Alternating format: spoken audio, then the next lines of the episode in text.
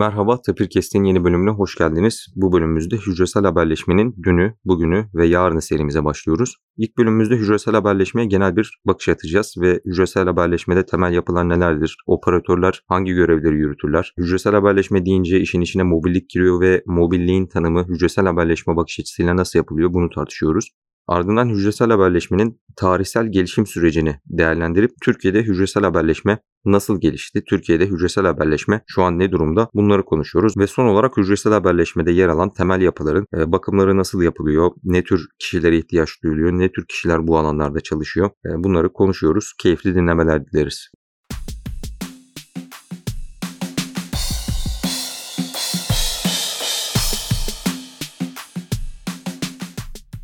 Cengiz Hocam, Sen Hocam hoş geldiniz. Hoş bulduk. Hoş bulduk Ali. Hocam hücresel haberleşmenin dünü, bugünü ve yarını diye bir seri başlatıyoruz ve bu seride Cengiz Hoca bizlerle beraber olacak ve bizlere bu hücresel haberleşme alanındaki bilgilerini aktaracak, paylaşacak. Hocam kırmayıp geldiğiniz için teşekkür ederim. Rica ederim. Benim için bir keyif. Şimdi hocam hücresel haberleşme nedir? Yani hücresel haberleşmeye nasıl ihtiyaç duyulmuştur? Hücresel haberleşme nereden çıkmıştır diye böyle felsefi bir soruyla yani hücresel haberleşmeyi bir anlamak istesek bunu siz en iyi nasıl özetlersiniz? Hücresel hücresel haberleşme şimdi zaten kelime anlamı üzerine hücrelerden oluşan bir haberleşme sistemi. Hücreler nedir? Hücreler de kapsama bugün halk arasında en çok kullanılan tabirle kapsama altına alınmış bölgeler. Kapsamak demek ne demek? O da elektromanyetik dalgalarla size ve sizin de sisteme ulaşabileceğiniz coğrafik alanlar demek. Bu alanların pek çoğu bir araya gelerek de hücresel haberleşme sistemini oluşturuyor aslında. Hücresel haberleşme sistemi bu. Peki hocam kapsama dediniz ve bunların bir araya gelmesinden bahsettiniz. Hücresel haberleşme ağının yapısından kısaca bahsetmek istesek temel elemanları yani halk arasında çokça biliniyor. Baz istasyonu, e, buraya baz istasyonu koydular ya da sokakta zaten direkt görüyoruz. Yani bunu biraz açmak istesek temel parçaları nedir bir hücresel haberleşme alanı? Tabii senin de söylediğin gibi en temel yapısı baz istasyonu dediğimiz o hücresel kapsamayı sağlayan ekipmanlar, elektronik cihazlar. Bunlar elektromanyetik dalgalar aracılığıyla belli bir coğrafik alanı ki bu sistemin gücüne bağlı olarak çapı değişmekle beraber işte 2 kilometreden 15 kilometre, 30 kilometreye kadar değişebiliyor. Tabii trafikle de alakalı. İlk temel taşı bu. Yani baz istasyonu o bölgedeki coğrafik alandaki kapsamayı sağlayan ekipmanlar. Bunun üzerine artık teknolojiye bağlı olarak yani 2G, 3G, 4G, 5G teknolojisine bağlı olarak baz istasyonlarından gelen trafiği yönetmek üzere geliştirilmiş ekipmanlar. Santral diyoruz biz bunlara. Bu santraller var ikinci seviyede. Bu santraller de gene G teknolojisine bağlı olarak radyo tarafını kontrol eden santraller veya santraller arasındaki trafiği kontrol eden santraller olarak ikinci kısmı oluşturuyorlar. Ondan sonrasında e, database dediğimiz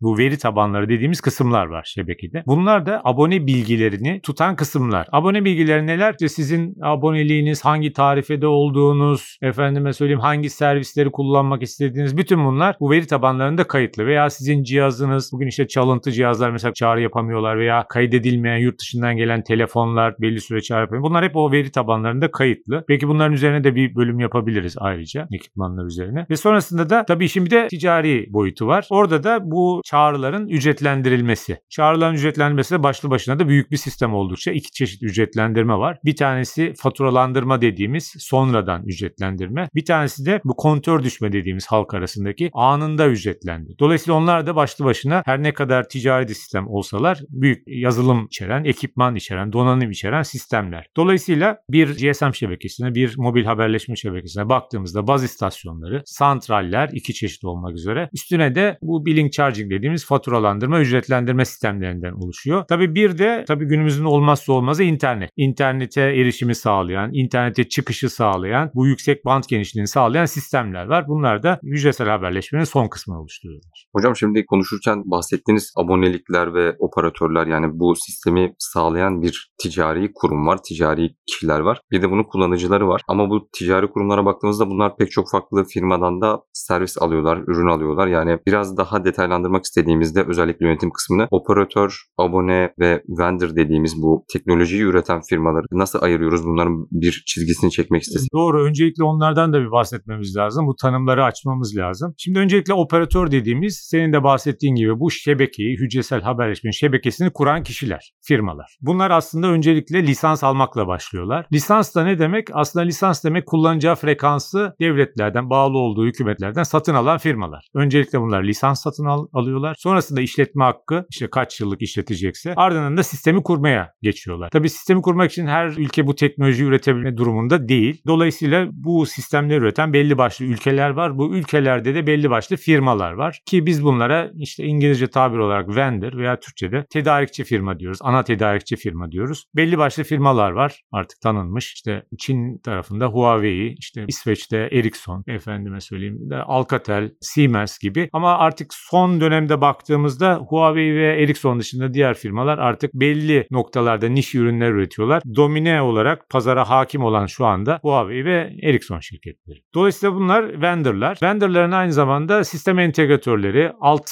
taşeronları oluyor. Bu taşeronlar da çoğu zaman yerli firmalar oluyorlar, Türk firmalar oluyorlar. Sistem kurulumu olsun, sistem entegrasyonu olsun bu, bu gibi işleri de alt tedarikçiler yapıyorlar. Dolayısıyla bir operatörümüz var, vendor'ımız var. Vendor'ların kendi tedarikçileri veya taşeronları var, alt tedarikçileri var. Sonrasında da tabii kullanıcılar. Kullanıcılar da abonelik sözleşmesini imzalayıp birer sim kart alıp bu şebekeye erişip buradan görüşme yapan, çağrı yapan, servis hizmet alan insanlar. Bunlar da kullanıcılar oluşturuyorlar. Müsaadenle hocam şöyle bir şey sormak istiyorum. Yani anlattığın sistemin ölçeği düşünüldüğünde Türkçe herhalde korkunç sözcüğünü kullanabiliriz. Devasa sözcüğünü kullanabiliriz. Yani anlayabileceğim şekilde sormaya çalışıyorum. Ben cep telefonundan bir arkadaşımı aramak istediğimde senin söylediğin bu insanların hemen hemen hepsinin bu şirketlerin, alt şirketlerin hemen hemen hepsinin kıyısından köşesinden bir yerlere dokunarak o çağrıyı yapıyorum doğru anlıyorsam öyle değil mi? Doğru hocam. Bir cep telefonu çağrısı aslında hemen hemen az önce saydığın dakikalarca süren alt kırılımları olan korkunç bir aslına bakılırsa değil mi bir ekonomi, bir sanayi, bir teknoloji diye anlıyorum ben. Doğru. Hocam bu kadar karmaşık olmasının en önemli sebeplerinden biri mobilite diyebilir miyiz? Yani burada mobil bir ağ sağlamaya çalışıyoruz ve sanırım kablosuz ve mobil ayrımını bu noktada yaparsak dinleyicilerimiz için faydalı olur diye düşünüyorum. Yani mobil ne demek? Yani mobilliği biz hücresel ağlarda nasıl tanımlıyoruz? Doğru söylediğinde çok haklısın. Çünkü hani doğrudan bir haberleşme sisteminden bahsediyorsak bu kadar belki karmaşık bir yapıdan bahsetmeyiz. Ama mobil haberleşmede iki türlü problem söz konusu. Birinci problem aboneler hareket halindeyken çağrılarını devam ettirmek isterler. Zaten bu mobil operatörlerde bir performans veya kalite karakteristiğidir. Çağrının devam etmesi, çağrının düşmemesi. Dolayısıyla bunun için hani hücresel haberleşme dediğimiz kavram da buradan geliyor. Hücreler arasında bir geçiş söz konusudur. Belki ilerleyen bölümlerimizde bu konuda bir program yaparız. Ama bu geçişi sağlamak çok kolay bir şey değil. Çünkü aboneler hareketli. Bunlar yürüyerek gidenler, arabayla gidenler, trenlerle, uçaklarla gidenler. Dolayısıyla bu hareketliğin kontrol edilmesi, sağlanması başlı başına çok büyük ve kompleks bir olay. Bunu yönetebilmek için çeşitli mekanizmalar geliştirilmiş. Bu birinci problem mobil haberleşme. İkinci problem de aboneler hareket halinde oldukları için nerede oldukları belli değil. Hani siz sabit bir aboneyle konuştuğunuz zaman sabit bir telefonun yeri belli, yurdu belli. Doğrudan çağrıyı oraya taşıyabiliyorsunuz. Ama mobil haberleşme şebekelerinde abonenin nerede olduğu belli değil. Dolayısıyla siz abonenin yerini sürekli takip etmeniz, kayıt altında tutmanız, sonrasında ona bir çağrı geldiğinde sorgulamanız gerekiyor. Bütün bunları yapabilmeniz için de yine farklı farklı mekanizmalar ve ekipmanlar kullanılıyor. Dolayısıyla hani mobil haberleşmeden bahsettiğimiz zaman bu iki tane zorlukla karşı karşıya geliyoruz. Bu zorlukları aşmak için de işte belki ileriki bölümlerde de bahsedeceğimiz mekanizma ve cihazlar kullanılıyor. Cengiz Hocam şimdi mobiliteden bahsedince tabii aklıma şu geliyor. Az önce saydığın o devasa yapının, organizasyonun biz sadece şu anda belki Türkiye ayağını konuştuk. Bir de bunun uluslararası bağlantısı söz konusu. Ondan bahsetmiştin diye hatırlıyorum ama dolaşımın yani mobilitenin uluslararası dolaşım herhalde roaming dedikleri bir de boyutu var. Yani ben hizmetimin kesilmesini şehir değiştirdiğimde, hücre değiştirdiğimde değil belki ülke değiştirdiğimde de devam etsin istiyorum. Ya bu da bu da herhalde problemi karmaşıklaştıran bir başka katman. Çok doğru. Aslında bahsetmemiştik. İyi oldu hatırlattın. Normalde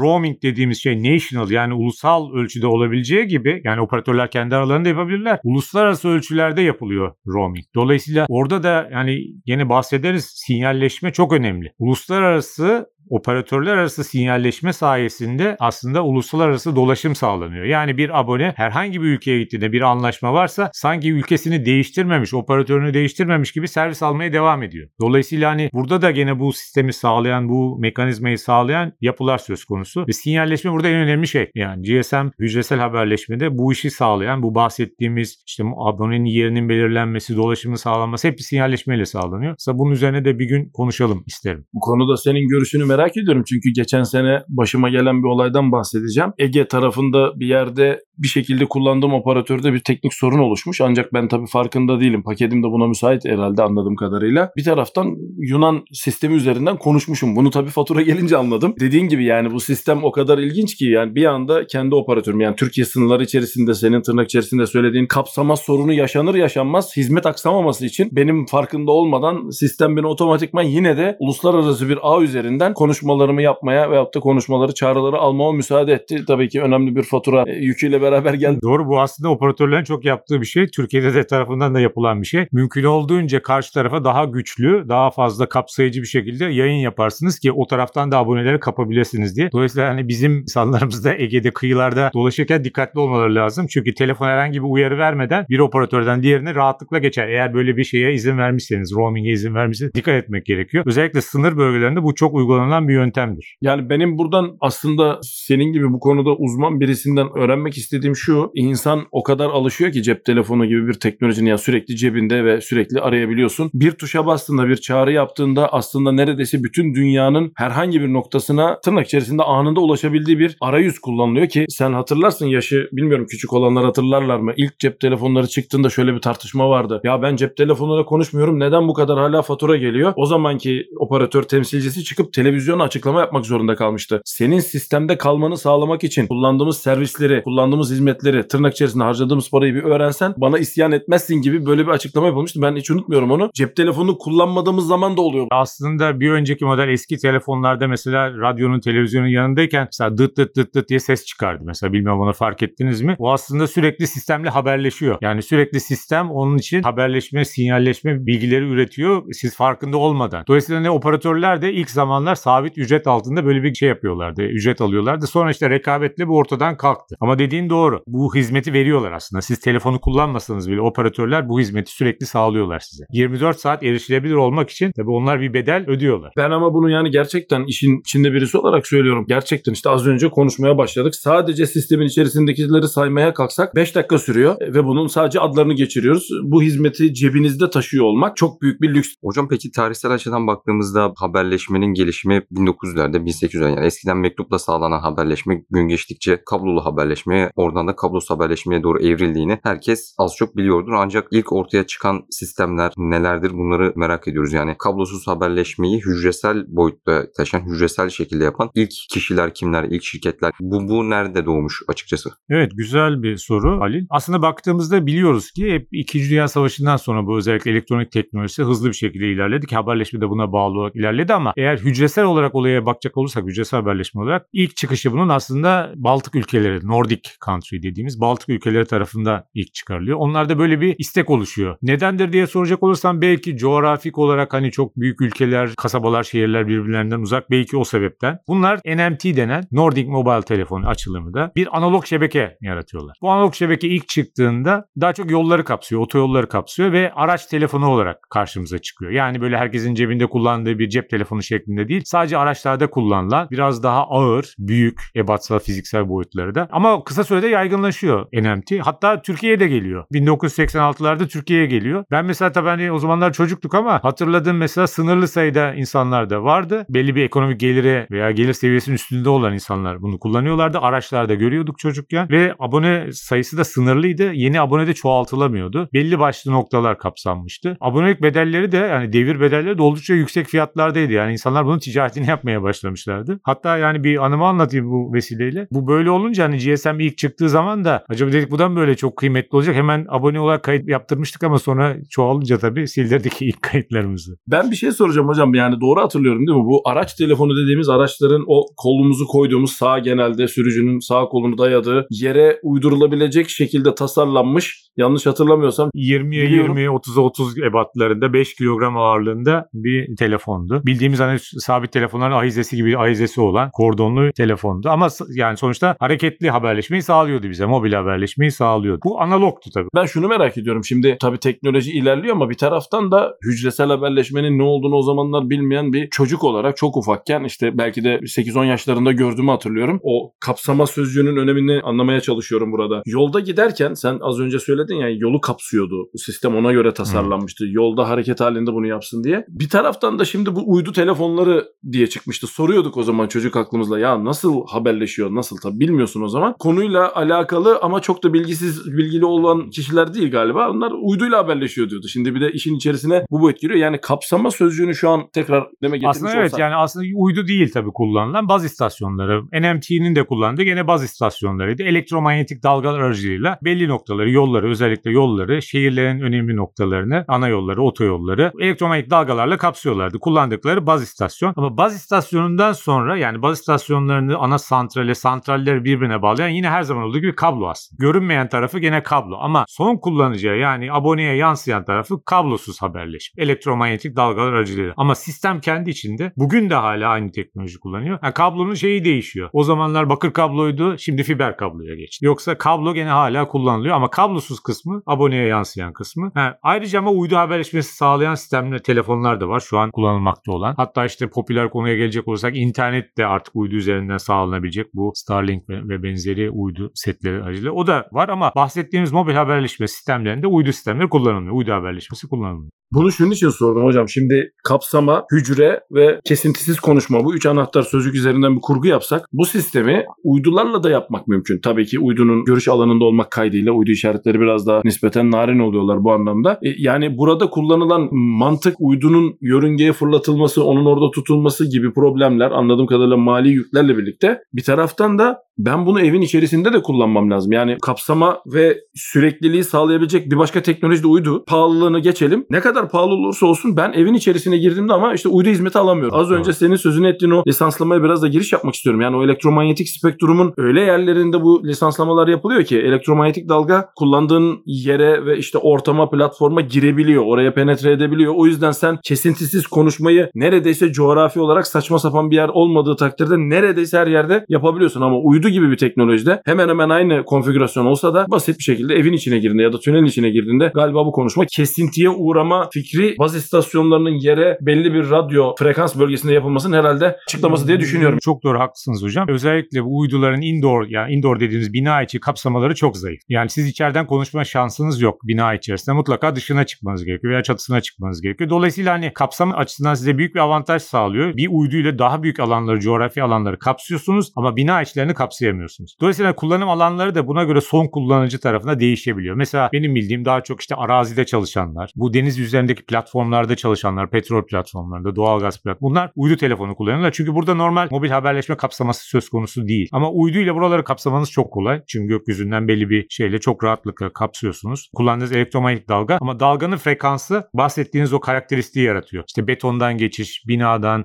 efendime söyleyeyim ağaçlardan, ormandan, sudan her şekilde fark ediyor frekansa bağlı olarak. Uydunun kullandığı frekans da bina içinde çok fazla zayıflıyor. Betondan geçerken çok zayıflıyor. Dolayısıyla böyle bir son kullanıcı için çok kullanışlı değil. Ama bahsettiğimiz dış ortamlarda çalışanlar için mobil kapsamanın olmadığı yerlerde orada güzel çözümler sunuyor. Fiyat olarak da tabii yüksek Evet fiyat. yüksek. Yani Konuya daha değinmek istiyorum hocam. Ya bu konu çok önemli çünkü muhtemelen bu kapsamda da Halil bahsedecektir. Konunun geleceğiyle de alakalı ve hani şimdi NMT'den bahsettiğin ilk başta yani ben hep bu konuyla alakalı işte senin de dersine katıldığımda dinlediğimde bu önemli çünkü bundan bahsediyorsun. Bir de gecikme problemi var. Yani hani uyduda sadece kapsama problemi yok. Bir de gecikme problemi var. Yani bildiğimiz kadarıyla ses iletişiminde bir 20 milisaniyelik gecikmeyi insan zihni tolere edebiliyor, hoş görebiliyor ama uyduda uydunun yörüngesinden ötürü işte o işaretin gidip gelmesi 20 milisaniye açtığı için bu sefer o telefon konuşmasında o ki doğallığı ortadan kaldırıyor. En azından belki veri iletişim için problem olmaz ama şimdi bunu da söylemek lazım dinleyicilerimize bence. Yani baz istasyonlarının yerde ve kapsamanın bu şekilde yapılıyor olması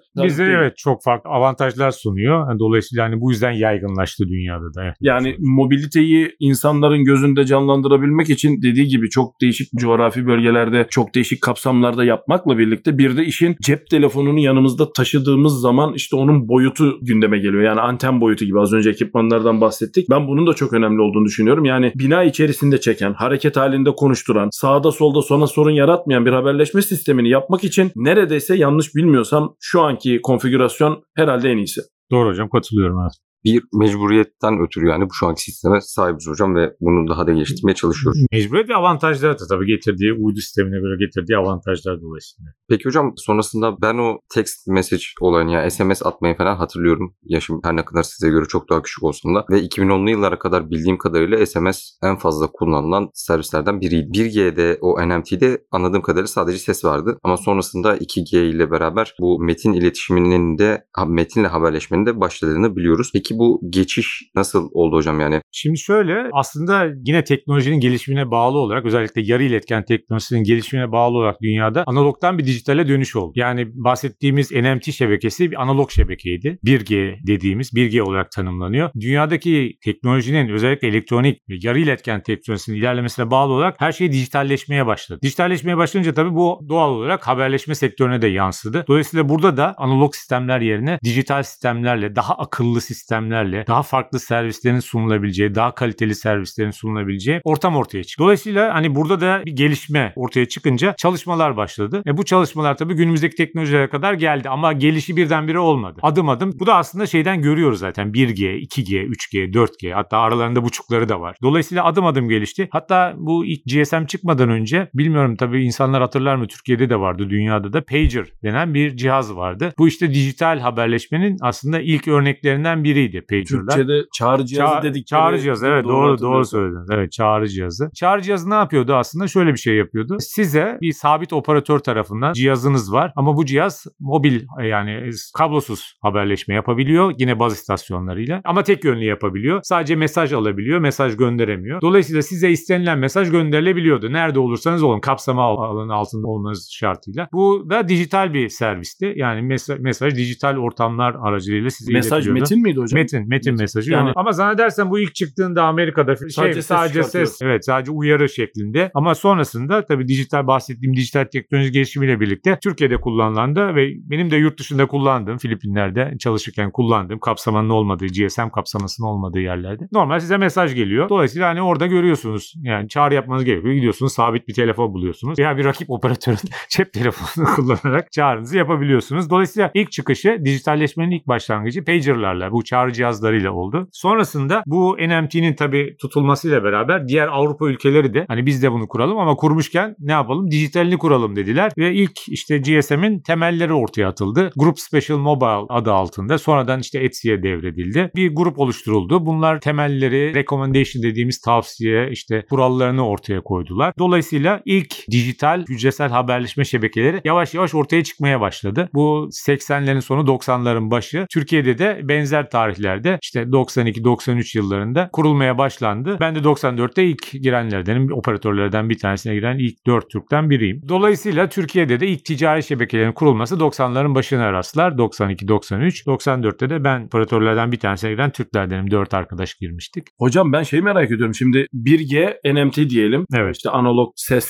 haberleşme kuramında hep öyle anlatılır. Biz direkt teknolojinin de adını verelim. E, 2G biliyoruz ki GSM. Şimdi pager'ı bu anlamda söylediğinde şimdi az önce çünkü ilginç bir ayrıntıya değindin. 1.5G, 1.75G diyebilir miyiz? Yani aslında tam diyemeyiz. Neden diyemeyiz? Çünkü NMT'de ve GSM'de ses iletiliyor. Yani çağrı taşınıyor ama pager'da sadece mesaj taşınıyor. Dolayısıyla tam bir iletişim şebekesi değil. Yani kısmi bir iletişim şebekesi ki daha sonra bahsederiz ya da bugün de bahsederiz. Bu paging çağrı aslında sonra da GSM'in içine de taşındı. Bugün kullandığımız hala kullandığımız SMS dediğimiz şey. Short message servis, kısa mesaj servisi. İşte bu pager'ın aynı özelliğini taşıyor. Dolayısıyla bu faydalı bir şey olduğu için, kullanışlı bir şey olduğu için, özellikle ekonomik açıdan kullanıcıların tercih ettiği için. Dolayısıyla bu GSM'e de bir özellik olarak taşındı. Ama hani o onun bir arası mıdır? Yani dijitalleşmenin bir başlangıcıdır diyebiliriz ama tam bir iletişim şeyi değil. Peki o Hücresel zaman ben şöyle değil. bir soru sorsam sana teknik. Herkesin duyduğu işte 3G, 5G'deki o G harfi mutlak surette sesi herhalde değil mi en başa Evet. koyan bir Önceleyen, sesi değil mi? önceleyen. Her Doğru. zaman böyledir değil mi yani? Yani şöyle diyelim her zaman da diyemiyoruz. Çünkü teknolojinin gelişimi bize farklı şeyler gösteriyor. Öncelikle sesi önceleyendi ama 3G'den sonra internetin özellikle çok hızlı yaygınlaşmasıyla 4G ve 5G interneti önceleyen yani sesten va- elbette vazgeçilmedi ama 4G ve 5G artık interneti önceleyen şebeke jenerasyonları haline geldi. Yani G harfi de aslında değişerek ilerliyor. Evet, Önceden sesti doğru. ama şimdi veri ve internet Evet. olarak ilerliyor Evet, diyebiliriz. Hatta şunu da diyebiliriz. Sesi de artık internet üzerinden taşıyoruz aslında. Evet. Ses de paket olarak Voice taşınıyor. Eskiden hani belki onlar da bir programda konuşuruz. Yani eskiden bir TDM teknolojisini kullanırken 2G, 3G'den itibaren artık paket haberleşmesi dediğimiz bu bildiğimiz IP. Günümüzün internet haberleşmesi yöntemiyle ses de taşınır hale geldi 3G'den itibaren. Ya şimdi ben tabii sen böyle konuştukça konu konuyu açıyor. İnsan tabii şunu sormadan edemiyor. Haberleşme kuramında mesela çok sıkça bahsettiğimiz yani ben dediğim gibi Cengiz Hoca mobil haberleşme dersine çok takip etmek istiyorum ancak bazen dersler çakıştığı için giremiyorum ama orada şunu hoca bahsederken gördüm o çok önemli bir şey bence. Az önce sözünü ettiğimiz anahtar sözcükleri bir de tasarlayan bu mekanizmayı kurmaya çalışan işte mühendisler var, tasarımcılar var. Burada sözünü ettiğimiz bir paradigma değişikliği öyle dramatik bir paradigma değişikliği ki öyle değil mi hocam? Yani evet bir devre- filmde yaşayan bir insan olarak Mi? evet diyebilirim yani. Sen- evet. sen Birdenbire sudan çıkmış balığa döndük. Ya evet. Devre anahtarlamadan Evet, paket Aynen anahtarlamaya. öyle. Aynen öyle. Oradan işte paketten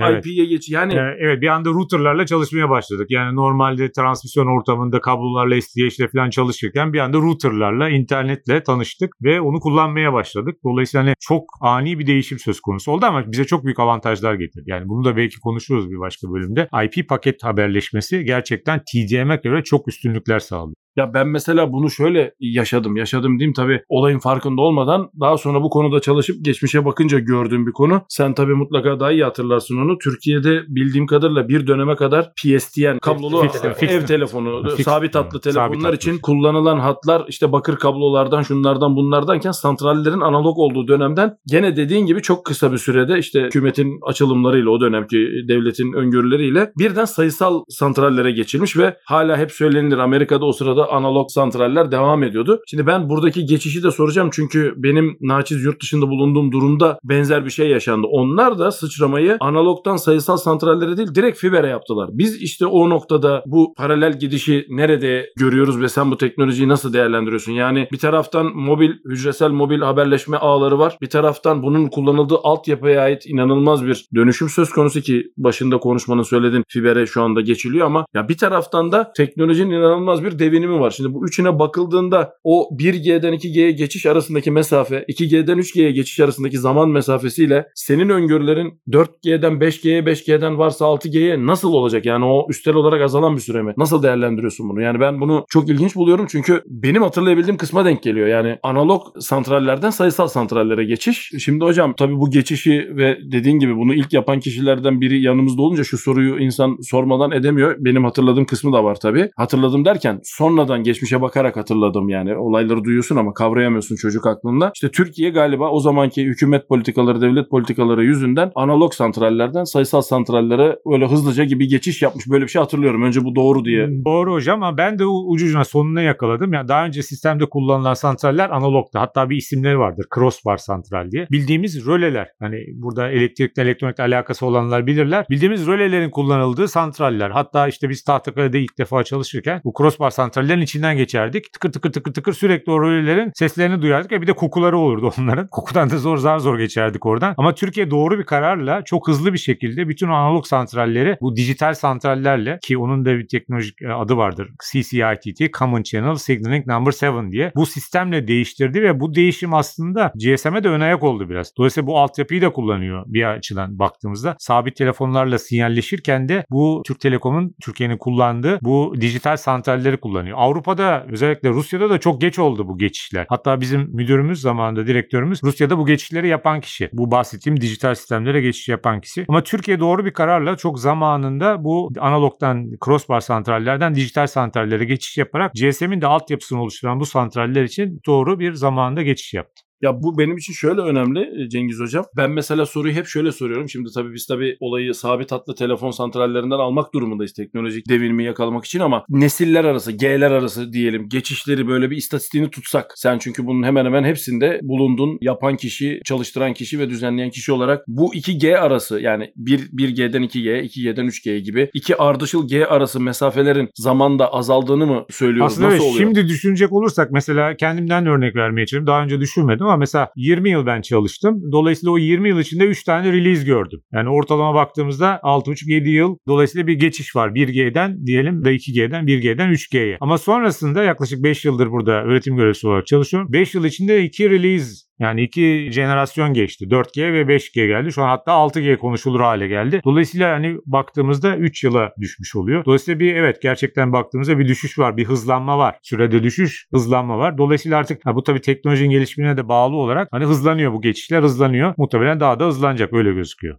Benim buradaki temel kaygım şu. Bazı durumlarda işte Türkiye'nin mesela az önce sen söyledin işte analog santrallerden sayısal santrallere geçişte yaptığı hamlenin ne kadar yerinde olduğu, ne zamanında olduğunu söyledin. Şimdi burada bunu ben şunun için soruyorum. İşte 6G çünkü 5G'nin standardı neredeyse tamamlandı. Artık implementasyonları, gerçeklemeleri başladı. Şimdi 6G'de konuşuluyor dediğin gibi. Yani Türkiye Cumhuriyeti olarak eğer bu trenin bir yerinde olacaksak herhalde doğru zaman değil mi? Yani evet çok doğru. Zaten yapacaksa. zaten bakanlık belli şartlar getiriyor artık operatörlere. E, tedarikler Türkiye'den sağlanacak. Baz istasyonları artık Türkiye'de üretiliyor. Yani Türkiye'de 5 4.5G baz istasyonu üretiliyor. Şu an 5G üzerinde çalışıyorlar. Yani dolayısıyla hani bir noktadan bu trene binmek gerekiyor ve doğru zamandayız aslında şu anda. Yani dediğim gibi 5G'de 4.5G'de başladı. 5G'de devam edecek. 6G'de de artık bunun bir parçası olacağız. Gerçekten gençlerimiz için de bu sektörde çalışmak isteyenler için de büyük fırsatlar sunan bir sektör haberleşme sektörü. Ben son olarak şunu söyleyeceğim bu konuda hocam. Yani bu alanda çalışmak isteyen kişiler için yani bu az önce sözünü ettiğin istatistiğin önemi belki daha iyi kavranır diye bir tekrar vurgulamak istiyorum. Bu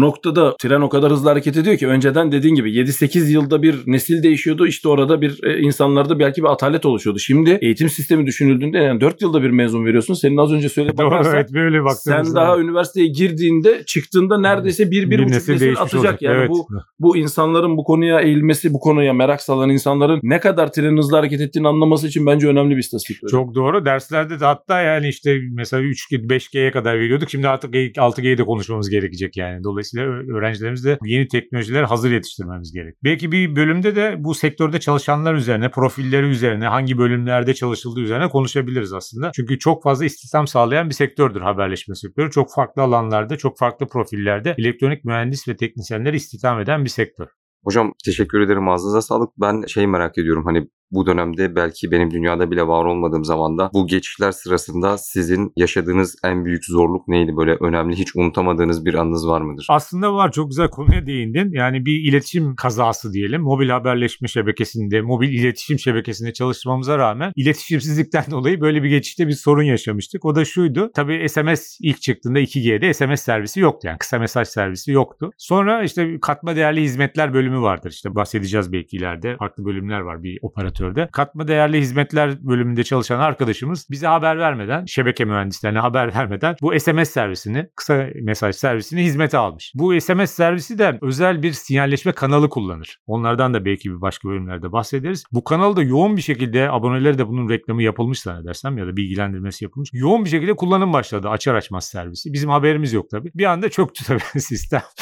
Kanal yetmeyince. Tabii biz ne olduğunu araştırırken sonradan öğrendik ki böyle bir servis açılmış. Tabii bize haber verilmediği için bu kanal sayısı yeterince artırılmamıştı. Tabii gerekli tedbirler alındı. Kanallar artırıldı. Dolayısıyla sorunsuz servis verildi ama bu da işte iletişim sektöründe çalışırken iletişimsizlik nedeniyle başımıza gelen bir kazaydı. Hocam ağzına sağlık tekrar. Ben tabii şimdi şu soruyu sormadan edemiyorum. Bu kadar kapsamlı anlattığın sistemin Allah saklasın başına bir felaket geldiğinde değil mi hala ayakta kalabilmesi ya da en azından hızlıca yeniden hayata geçebilmesi gibi şeyler söz konusu. Bunlar için nasıl bir altyapı, nasıl bir sistem düşünülüyor? Ben hatırlıyorum 99 depreminde o zamanki operatör evlerden olarak Allah saklasın o deprem anında işte aşırı yüklenmeden ve tabii ki fiziksel zarardan ötürü de bayağı bir ayağa kalkamamıştı. Şimdi muhtemelen bunlar da artık düşünülüyor ve tasarlanıyor. Ne, ne tarz bir yedekleme diyeceğim herhalde doğru ifadeyle yapılıyor. Doğru hocam bu çok kritik çünkü siz 7-24 hizmet veriyorsunuz. Abonelerinizin konuşmasını istiyorsunuz ve maalesef çeşitli doğal afetler, işte doğal olmayan afetler, işte sel gibi, işte yangın gibi e, bir takım problemlerde bu sistemler devre dışı kalabilirler. Bunu engellemek için iki yöntem var. Aslında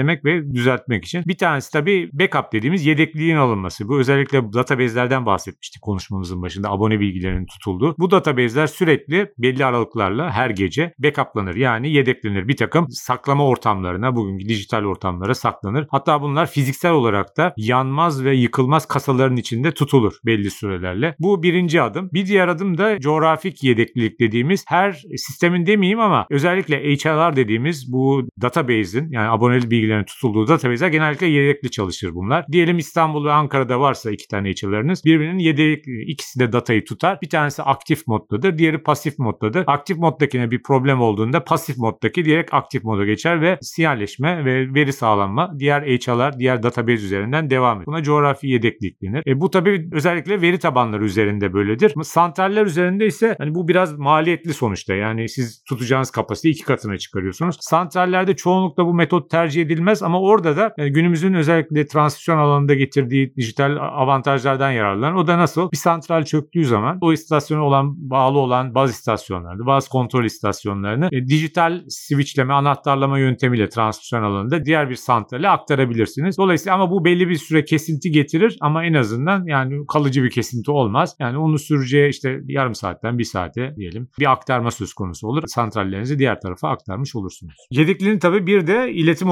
ortamında yedeklilik söz konusu. Bu da özellikle mesela bahsetmiştik paket haberleşmesi diye IP ortamda da bir yedeklilik söz konusu. IP ortamda Türkiye üzerinde artık her operatörün kendi kurduğu, neredeyse kendi kurduğu IP şebekeleri var. Bu IP şebekeler fiber optik ağlardan oluşuyor ve bu fiber optik ağlar ye- tamamen yedeklilik üzerine. Yani bütün şehirler, noktalar birbirine bağlı ve sizin datalarınız, sesiniz, verileriniz, her çeşit verileriniz farklı farklı yollar üzerinden hedeflerine ulaşabiliyorlar. Dolayısıyla bir yolda bir kesinti olduğunda diğer bir yoldan rahatlıkla hedefine ulaşabiliyor. Dolayısıyla iletim ortamında da bir yedeklilik söz konusu. Hocam hücresel haberleşmenin dünü, bugünü ve yarını serimize genel bir bakış yapmak ve hücresel haberleşmenin geçmişine ve geleceğini konuşacağımız bu seride neler konuşacağımızı bir derli toplu şekilde ilk bölümde insanlarla paylaşmak istedik. Bölüm içerisinde değinmemiz gereken farklı farklı bölümlerde ele alacağımızdan bahsettik. Katıldığınız için tekrar teşekkür ederim Cengiz Hocam, Serhan Hocam. Ben teşekkür ederim. Ben teşekkür ederim Ali. Herkese iyi haftalar dileriz. Görüşmek üzere.